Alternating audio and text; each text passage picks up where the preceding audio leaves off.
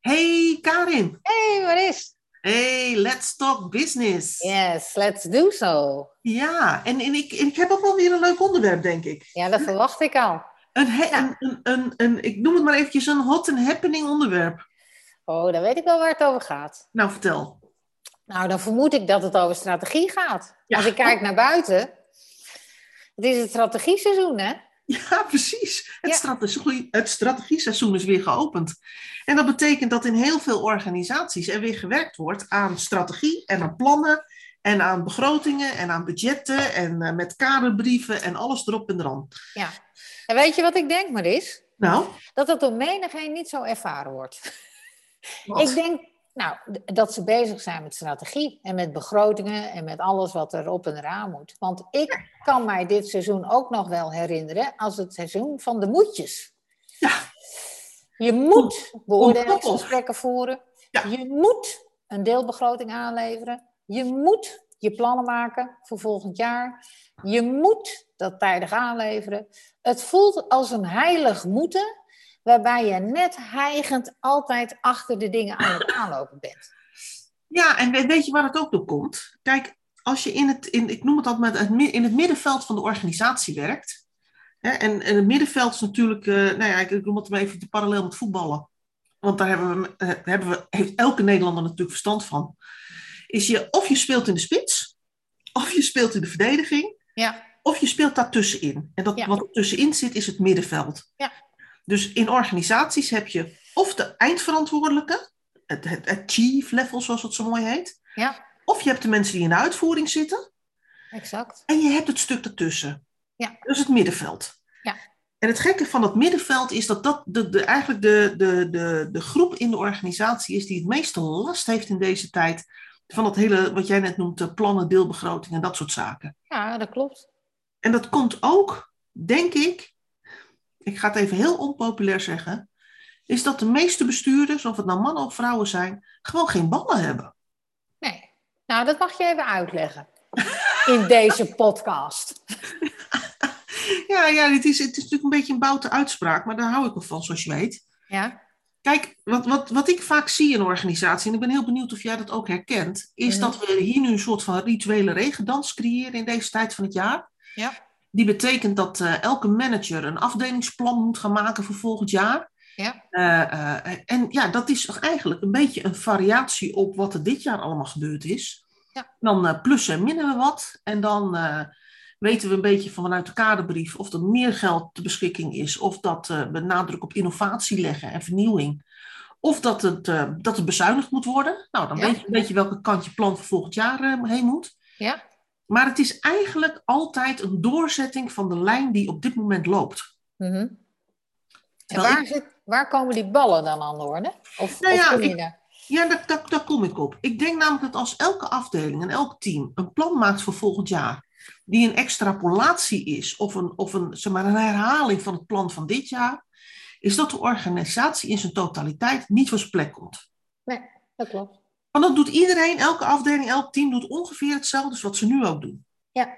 Ja. En dan gebeurt er dus niks in die organisatie. Nee. En ik, ik denk dat, dat bestuurders, dus mensen die de organisatie moeten besturen, ballen moeten krijgen in termen van ze moeten nou eens een, een ei leggen over wat is nou de ambitie van de organisatie. Exact. Waar gaan we nou naartoe met deze toko? Ja. Nou, En- ik vind, het, ik vind het mooi dat je dat zegt. Want dat, dat denk ik ook. Ik denk dat door die rituele regendans en elk jaar maar weer dezelfde dingen doen. Hè? Denk aan Einstein. Eh, en Einstein zei eh, eh, met, met dezelfde manier van denken hè, gaan we de problemen niet oplossen die in eerste instantie ook met dat denken is veroorzaakt. Ja. Ja, zie je dat elk jaar weer in deze periode er, en, en ik denk die bestuurders zelf ook, eh, zuchten onder eh, drukte. Het moet weer, het moet aangeleverd worden. Hè? Want die, die bestuurders die moeten dat aanleveren voor een raad van toezicht of een raad van commissarissen. Dat moet tijdig gepland worden. En voor die tijd moet het allemaal af zijn. En, en wat ik met name zie is met jou dat er te weinig richting wordt gegeven. Hè? Er is te weinig uh, gesprek over een koers. Uh, en en uh, laat, nou, laat ik zo zeggen, er is te weinig koers. Hè? Er wordt er te weinig een koers uitgedacht. En als hij er al is, wordt hij te weinig en te weinig effectief in een organisatie gecommuniceerd. Hij wordt niet doorleefd in een organisatie.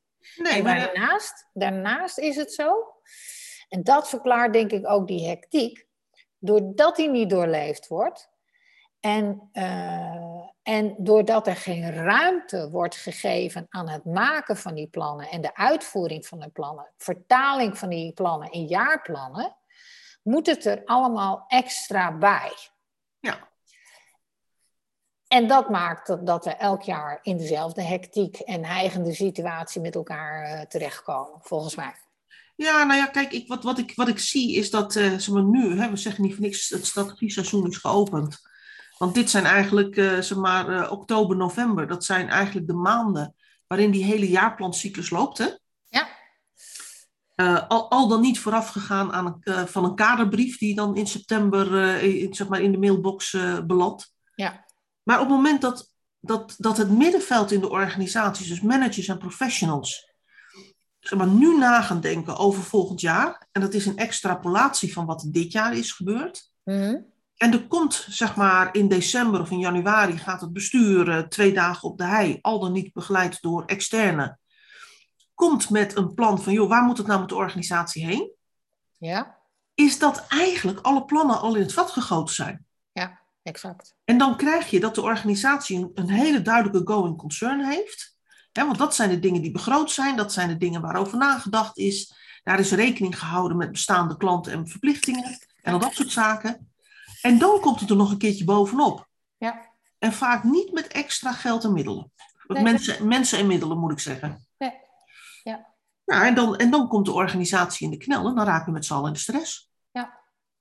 Nou zou ik het interessant vinden om uh, in deze podcast met jou te verkennen. Wat, wat zou je nou kunnen doen op het moment dat je als middenvelder binnen de organisatie speelt. Ja, het is eigenlijk een beetje, denk ik, hè? Ik, ik, ik, eh, ik probeer ook maar gewoon even op het, op het moment te reageren. Uh, dat het een beetje net zo, ik trek toch even weer de parallel naar voetballen. Op het moment dat je in de wedstrijd zit, kun je weinig doen dan gewoon zorgen dat, uh, dat alles draait. Ja. Maar ik kan me wel voorstellen dat je tijdens de trainingen en dat je in de, in de, in de rust, heet dat rust bij voetballen? Ja, heet rust.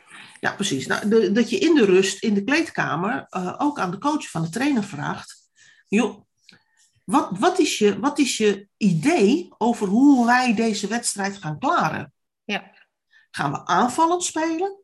Gaan we verdedigend spelen? Uh, ga je wisselen? Wat ja. betekent dat dan voor de wedstrijd? Wat betekent dat voor het team? En wat verwacht je van ons? En feitelijk, diezelfde vragen kun je ook in een organisatie stellen. Ik kan me heel goed voorstellen dat op het moment dat je het verzoek krijgt van, joh, dien even het plan en het budget in voor volgend jaar, mhm. dat je teruggaat en zegt van, ja, weet je, ga ik doen. Maar uh, wat zijn jullie plannen voor volgend jaar? Ja. Gaan we nog bijzondere dingen doen? Wordt het een doorzetting van wat we dit jaar al hebben gedaan? Wat verwacht je van ons? Ja. Gaan er nou nog nieuwe projecten of proceswijzigingen of nieuwe producten of uh, whatever. Gaan we nog iets nieuws doen? Ja, dit schets jij in de situatie dat je niet echt kader hebt meegekregen hè, van dat hoge level. Ja. ja. En wat je, wat je als verstandig manager ook nog zou, uh, zou kunnen doen, zou ik daaraan willen toevoegen, is als je elk jaar dezelfde ervaring hebt, is dat je dit jaar ook niet hoeft te verwachten dat er een kader komt, of dat jouw ruimte gegeven wordt binnen jouw e- extra werkzaamheden om dit overigens hele belangrijke plan vorm te geven. Ja. En wat zie je dan? Dat een heel erg belangrijk deel van je onderdelen erbij moet of in de avonturen moet en op onderdelen gewoon wordt afgeraffeld.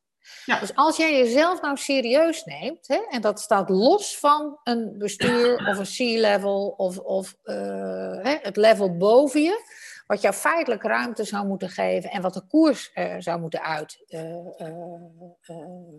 uitdenken, uh, dan plan je daar voor jezelf tijd in. En een dusdanige tijd dat jij in ieder geval voor jouw stuk niet in de problemen komt. Met andere woorden, we weten allemaal dat dit het strategieseizoen is. je kunt uh, gaan zitten wachten totdat hetzelfde weer gebeurt. Maar je kunt ook denken, na een paar keer die ervaring hebbende. En ik zou aanbevelen, als je één keer die ervaring hebt, dan zou ik uh, al daarover nadenken. En misschien kun je zonder dat je die ervaring hebt wel, wel voorbereidende maatregelen nemen. Omdat het strategieseizoen namelijk altijd in dezelfde periode plaatsvindt. Dus doe jezelf een lol, zou ik zeggen, en organiseer je werkzaamheden die ook moeten in die periode op een zodanige manier dat je overwegende focus kan liggen op het formuleren van jaarplannen en het maken van begrotingen die zodanig zijn dat ze in het verlengde liggen van de realisatie van een koers. Dan kom jij in ieder geval voor jouw stuk niet in de problemen. En, en hoef jij ook niet heigend dat strategieseizoen door. Nee. En wat ik me ook voor kan stellen, is dat je als middenvelder gewoon een keertje op, het, uh, op de, op de uh, eh, MT-vergadering, op welk niveau je dan ook zit, maar op de MT-vergadering is gewoon tijd claimt om een soort van benen op tafel te doen. En zeggen van, joh, wat, wat speelt er nou eigenlijk in onze wereld? Ja. Wat gebeurt er met de verwachtingen van klanten? Wat zien we bij concurrenten gebeuren? Ja. Wat zien we aan nieuwe technologieën en processen en ontwikkelingen daarin? En wat betekent dat dan voor onze organisatie? Ja. Dan heb je het nog niet eens over een koers voor de totale organisatie, maar je praat wel over een koers voor zeg maar, het stuk waar jullie verantwoordelijk voor zijn. Ja, precies. Een, een deelkoers, laat ik het dan maar zo zeggen. Een, een koers op meer operationeel of tactisch niveau. Ja. Ja, dat vind ik heel mooi, want dat betekent dus ook dat je als manager helemaal niet altijd zo overgeleverd bent aan de grillen van een bestuurder of een directie, als wij allemaal wel denken. Maar dat je daar zelf ook heel goed uh, initiatief in kunt nemen, op een zodanige manier dat er sturing komt. Uh, die uh, van belang is voor jouw activiteit. Ja, precies. Dus, dus, als jij een professional bent, dan zou je kunnen zeggen van nou ja, uh, de directie doet het niet of het bestuur doet het niet. En het is eigenlijk hun taak. Maar in het belang van uh, het, het adequaat en efficiënt kunnen uitvoeren van je eigen werkzaamheden, is het denk ik ook belangrijk om de rest mee te nemen en, en feitelijk een voorzet te geven over. Misschien zou het dan goed zijn dat we dit vooraf uh, daaraan doen. Want dan kan je het op een briefje geven dat iedereen dezelfde ervaring heeft in het strategieseizoen. Ja, en het, en, het, en het mooie vind ik dat als je het op je eigen niveau in de organisatie vormgeeft, is dat je uh, misschien wel niet de hele organisatie een koers heeft, maar dat jouw deel van die organisatie minder overvallen wordt uh, op het moment dat uh, ja, het gaat knellen. Exact. Maar even, of in de strategische of in de operationele fit. Ja. Dus, dus waar je naartoe wil als organisatie, wat dus met bestaansrecht te maken heeft, of in het dagelijkse proces waarin je producten en diensten moet leveren aan klanten. Ja. Uh, um, ik, daar gaan dingen ontwikkelen. Ja. En het mooie is dat je er dan al over nagedacht hebt en het ook al in je plan hebt opgenomen. Precies. En, en dat betekent dat je gewoon, uh, nou laten we het zo zeggen, dat je misschien nu al wat extra stress hebt, omdat je toch nog even die sessie moet plannen. Voordat je je plannen en je budget dicht uh, zeg maar, kunt voorstellen. Ja. Maar dat je straks gewoon minder stress hebt, omdat, je, omdat dingen je niet overkomen. Nee, precies. Ja. Als je nou kijkt naar, naar zo'n zo'n strategie-seizoen, uh, hoe, hoe zou dat dan eigenlijk idealiter moeten lopen?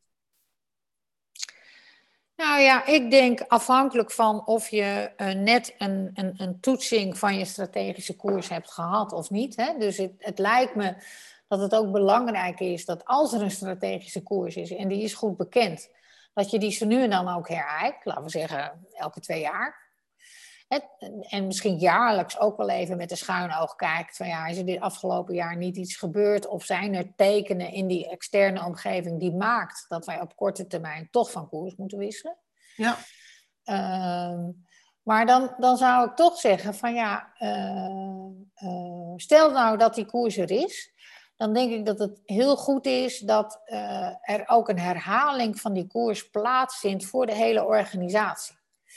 Want heel veel uh, medewerkers binnen de organisatie die zien uh, het strategieseizoen als een stand-alone van hun activiteiten. En niet als onderdeel, integraal onderdeel van een groter geheel.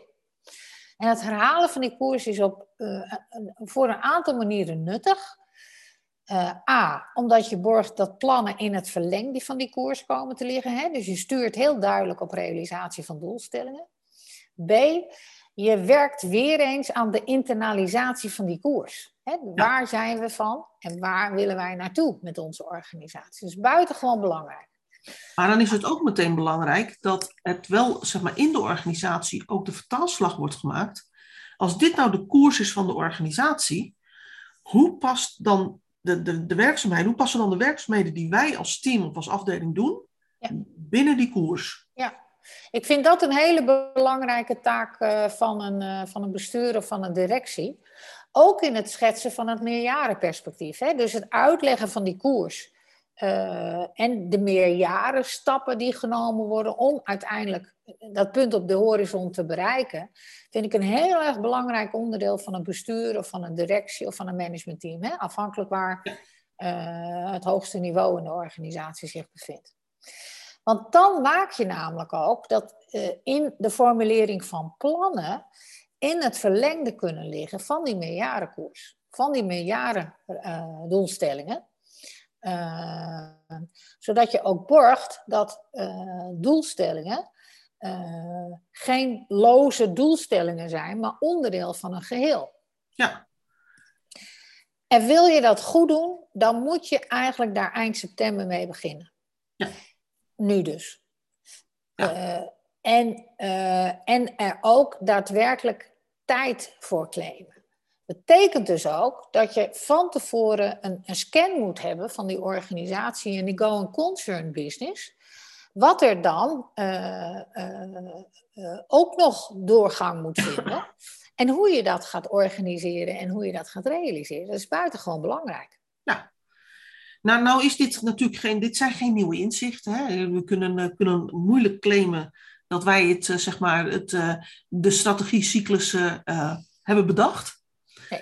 Dat kunnen we niet claimen. Nee, dat kunnen we niet claimen, want die strategische cyclus die zijn uh, eigenlijk al sinds uh, de jaren 50 van de vorige eeuw uh, ja. worden die beschreven. Ja. En als we die wel claimen, dan zegt dat iets over onze leeftijd. En ja, dat kan natuurlijk nooit de bedoeling zijn. Nee.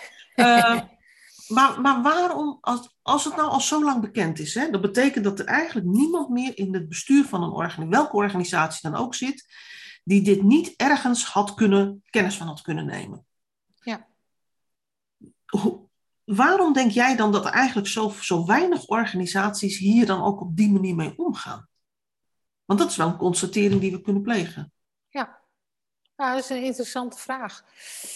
Ja, ik, ja, ik denk toch dat uh, uh, heel veel organisaties heel erg gericht zijn op datgene waar de meeste urgentie uh, ligt. En dat hoeft niet altijd het meest noodzakelijke te zijn, maar dat is de actualiteit van elke dag. En, en dat, dat het organiseren, vooruitkijken, inplannen en vervolgens ook de consequentie nemen van het inplannen. Hè? Want daar, daar gaat het over haalbaarheid, dat dat toch wel een vak op zich is. Ja. Wat denk jij? Nou, ik, ik, was, ik, had hier, ik heb hier natuurlijk een blog over geschreven voor, bij ons op de, voor, voor ons op de site. Uh, ook onder de titel van bestuurders, mannen, vrouwen, hè, MV, uh, moeten nou eens een keertje ballen krijgen. Um, en, en ik, al denkend over die blog en over, de, over wat ik zie natuurlijk bij organisaties en wat wij samen ook zien en waar we het over hebben als we bij organisaties binnen zijn, of als we de verhalen horen van onze studenten, ja. is dat uh, ik soms ook wel eens denk dat bestuurders, misschien niet zo'n populaire uitspraak, maar misschien ook wel wat angstig zijn om zo'n koers uit te zetten. Want het, het, de aard van zo'n koers is, omdat je een koers op een, zeg maar, een doel op een wat langere termijn zet, hè, zeg maar een jaar of vijf, zeven, tien jaar, dat je eigenlijk ook al weet dat je dat doel nooit gaat bereiken, dat meerjarig doel. Ja. En dan roepen wij altijd, dat klopt, en dat is ook niet de bedoeling. Nee, hè? logisch. Gaat, je zet zo'n koers, zo'n meerjarig doel neer, om een richting te geven, niet om dat te halen. Nee, exact. Maar aan de andere kant zijn natuurlijk heel veel bestuurders van organisaties. Dat, is, ik noem het maar, is dus een soort, uh, dat zijn een soort opperrechters die altijd alles moeten weten. Ja. En ook een deel van hun autoriteit halen in het gelijk hebben. En dat betekent als ik zeg van dit moet gebeuren, is dat de organisatie dat dan ook moet doen Ja. en moet realiseren. En dat is, dat is een deel van hun taak, en dat is die operationele aansturingen. Zorgen dat de organisatie ook die stappen zet die ze moet, stappen, moet zetten. Mhm. Maar dan is zo'n aard als, als eh, zo'n lange termijn doel, waarvan je eigenlijk van tevoren weet dat je het niet gaat halen, Mhm. nooit gaat halen. Dat is eigenlijk, dat is, dat is zeg maar, dat is de switch die gemaakt moet worden. Ja. En dat die onzekerheid en die onduidelijkheid en ook dus het afbreukrisico erom, dat dat misschien ook wel meespeelt. Ja. Ik denk dat dat eh, heel goed het eh, geval zou kunnen zijn. Wat ik, wat ik op onderdelen wel zie, is dat je, dat je eh, toch ook regelmatig tegenkomt dat directeuren en besturen zich met andere zaken in de organisatie bezighouden. Die eigenlijk liggen op het niveau van management of teamleiders of soms zelfs werkvloer. En Ja. ik heb wel eens het idee dat men dat doet, eh, zodat men voor hun gevoel rechtmatig kan aangeven dat ze het heel druk hebben gehad en dat daardoor dit er wat bij ingeschoten is. Dat zou te maken kunnen hebben met een soort van koudwatervrees. Hè? Of, of, of eigenlijk niet daar goed in staat zijn, zodat je met andere dingen bezighoudt. En, en, en dus een, een, het is het natuurlijk nooit, maar een gerechtvaardigd excuus hebt. Overigens vind ik wel, Mariska, dat ik ook moet zeggen dat ik steeds meer organisaties tegenkom die, daar, die het echt ook goed doen hoor. Maar dat komt misschien ook omdat wij juist bij alle organisaties die wij tegenkomen, juist vertellen en, en uitzenden dat dit zo verschrikkelijk belangrijk is. Ja, en hoe je dat dan uiteindelijk moet vormgeven, moet inpassen en moet toetsen op haalbaarheid. Want dat is echt een belangrijk onderdeel. Ja, en, en het grappige vind ik, hè, we, we doen het natuurlijk al een behoorlijk aantal jaren en we leiden ook heel veel mensen uit organisaties op hierin. Eh, eh, juist mensen vanuit dat middenveld, hè, die ook deze discussie aanswengelen buiten het strategieseizoen. Ja. Zodat de organisatie denkwerk voorzet voordat het, zeg maar, het seizoen van de plannen komt. Ja. Ehm, het, het is geen hogere wiskunde. Nee, dat is het ook niet. Ik vind het altijd bijzonder dat, dat we dat toch nog een beetje, als ik ook aan mensen gewoon vertellen die ik ergens ontmoet, en dan zeggen ze van, nou, wat doe je nou? Nou, ik uh, hè, we geven les in bedrijfskunde en help organisaties met strategievorming. Oh, strategievorming, oh, dat is ingewikkeld. Nou, dan ben je daar zeker heel erg goed in. Denk je, maar het, het is niet een talent waarmee je geboren wordt, hè? Nee. Het is het, het, het, het, ik roep het altijd, maar dit vak heet niet voor niks bedrijfskunde. Ja. Het is een kunde, een vaardigheid die je kunt leren. Ja. En in principe kan iedereen dit leren. Nou, je moet wel, je moet wel een, een bepaalde nieuwsgierigheid hebben. Hè? Je moet ook een bepaalde nieuwsgierigheid hebben in termen van, joh, wat speelt er nou eigenlijk allemaal in die markt? En wat Ja. gebeurt er nou eigenlijk allemaal in die markt? En wat betekent dat voor ons als organisatie? Ja. Dus je moet ook wel tegen een bepaalde mate van onzekerheid kunnen. Ja, want één, één ding weet ik zeker, de wereld blijft niet zoals die nu is. Nou, nu, nu al helemaal niet, hè, want we komen Nee. net uit die coronaperiode. Ja. Maar, maar ja, wat dat nou gaat betekenen en wat die coronaperiode ons heeft eh, opgeleverd, hè, dat zeg ik niet voor, dat zeg ik maar eventjes tussen quotejes. Eh, want het is natuurlijk, eh, de, er zijn mensen die er heel erg behoorlijk onder geleden hebben. Hè? En, Ja, en, is- zware periodes hebben gehad. Maar als samenleving ja, heeft het ons toch in ieder geval geleerd dat je voor eh, nou, heel, veel, heel veel kantoorwerk niet per definitie op kantoor hoeft te zijn. nee, precies. En of dat nou betekent dat we straks allemaal weer vijf dagen in de week op kantoor gaan zitten, of dat we allemaal vijf da- dagen in de week vanuit huis gaan werken, of ergens daartussenin, en dat is, hè, daar zit natuurlijk de grootste kans. Maar hoe het nou precies uitpakt, ja, dat weten we niet, dat is een onzekerheid. Ja. Maar door het niet bespreekbaar te maken, weet je in ieder geval zeker, is dat je nooit in de regie komt. Nee, En dat je het klopt. nooit ten bate van de organisatie kunt uitnutten. Nee, klopt. Ja, nogmaals, ik, ik, ik blijf het zeggen hoor, het is geen hogere wiskunde.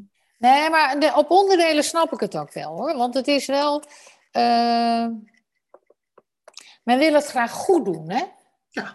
En, en dat betekent dat. eh, en in deze tijd constateren we ook dat, het, dat, het, dat we steeds vaker eh, moeten bijstellen. Dus een, een hele bestendige koers voor een aantal jaren uitzetten, dat is er niet meer.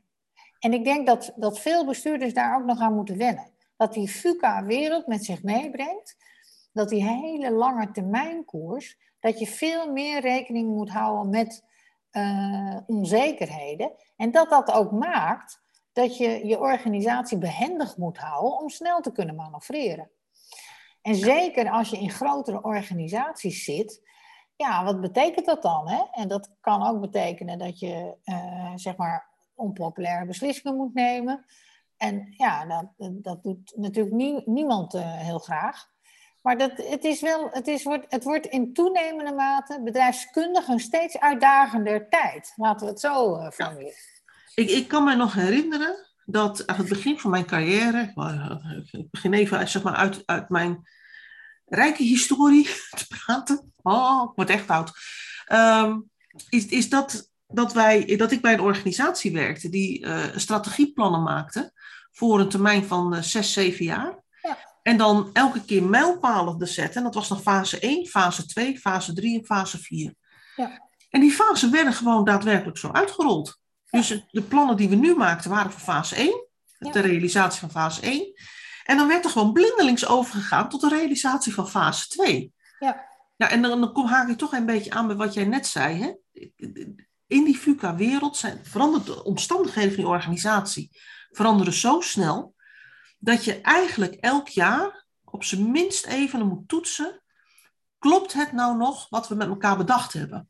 Precies. En dat je eigenlijk eens in de twee jaar opnieuw het proces moet doorlopen. Om te zeggen, van, joh, wat wordt nou ons nieuwe meerjarig doel? Wetende wat we nu allemaal weten en verwachtende wat we nu allemaal zouden kunnen verwachten. Ja. Dus dat betekent voor een bestuurder, maar ook voor management, dat je daarop vaardigheden moet ontwikkelen. Hè? Bedrijfskundige vaardigheden, die maken dat je zo'n organisatie snel kunt bijsturen. Uh, maar ook de vertaling naar de interne organisatie kunt maken. En, misschien nog wel moeilijker, iedereen die daar werkzaam is, ook in mee kunt nemen. Dat betekent dus, dus echt wel dat er wat van je gevraagd wordt. Ja, en, en, en ik denk, hè, dat begint toch bij het op het moment dat je in een bestuursrol zit, een bestuurdersrol zit, dat je toch ook gewoon de ballen moet hebben om eens gewoon ergens voor te gaan staan.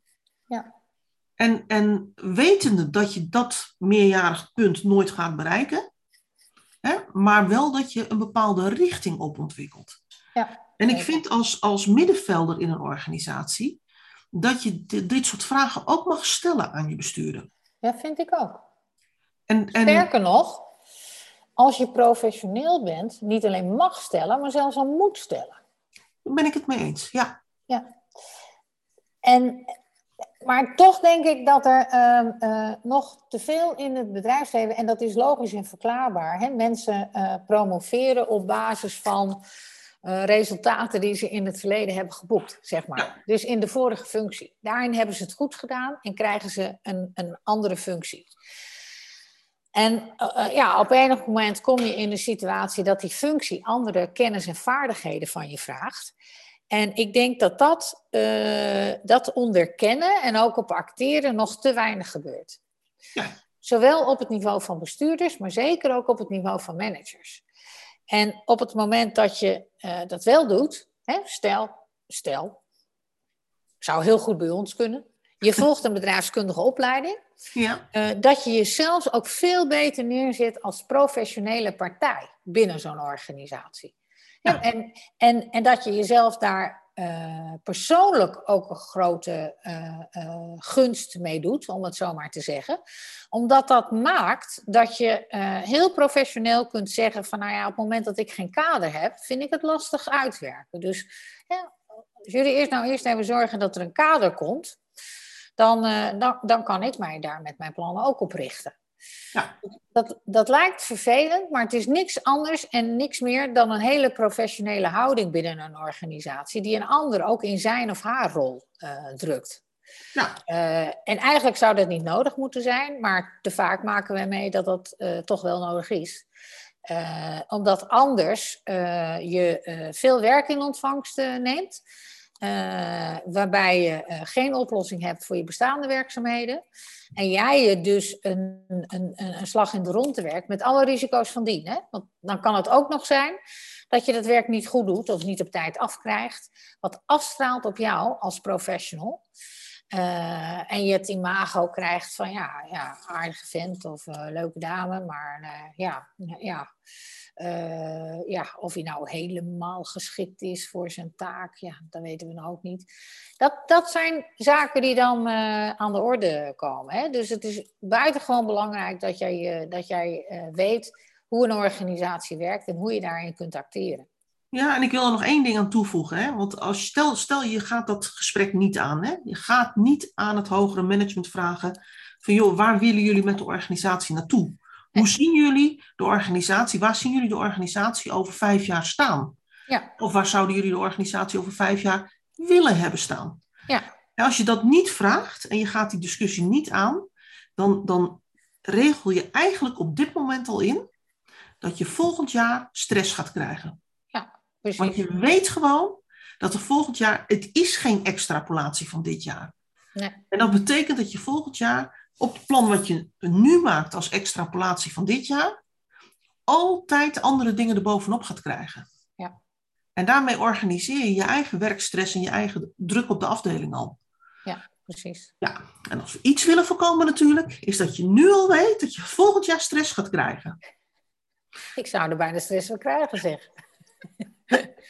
Gelukkig praten wij regelmatig over waar we met de organisatie naartoe willen. Ja. Hey, ehm, volgens mij, uh, ik, ik, ik denk dat, met, dat we met deze podcastaflevering toch alweer een helder beeld hebben gegeven. Hoe zit dat nou met zo'n strategieseizoen? Maar ook, wat kun je nou doen als je in dat middenveld zit, uh, uh, om dat proces zo goed mogelijk vorm te geven? Ja, dat denk ik ook op heel klein niveau, als je het, zeg maar, als je het gesprek niet aan wil gaan, maar dan doe je het in ieder geval op je eigen niveau. Maar ook als je wel zeg maar, uh, al de stap wil maken naar gesprekspartner en sparringpartner zijn van het bestuur. Ja, dat denk ik ook, Mariska. Nou, dan moeten we het hier maar weer bij afsluiten. Ja, dat lijkt me goed, want we hebben de volgende keer, die komt er uh, alweer snel aan. En dan, dan hebben we weer een heel ander mooi onderwerp. Volgende week zijn we er gewoon weer en we bedenken in tussentijd een mooi onderwerp. Zo is het. Hey. Ik zie je. Ik zie je. Doei. Doei doei.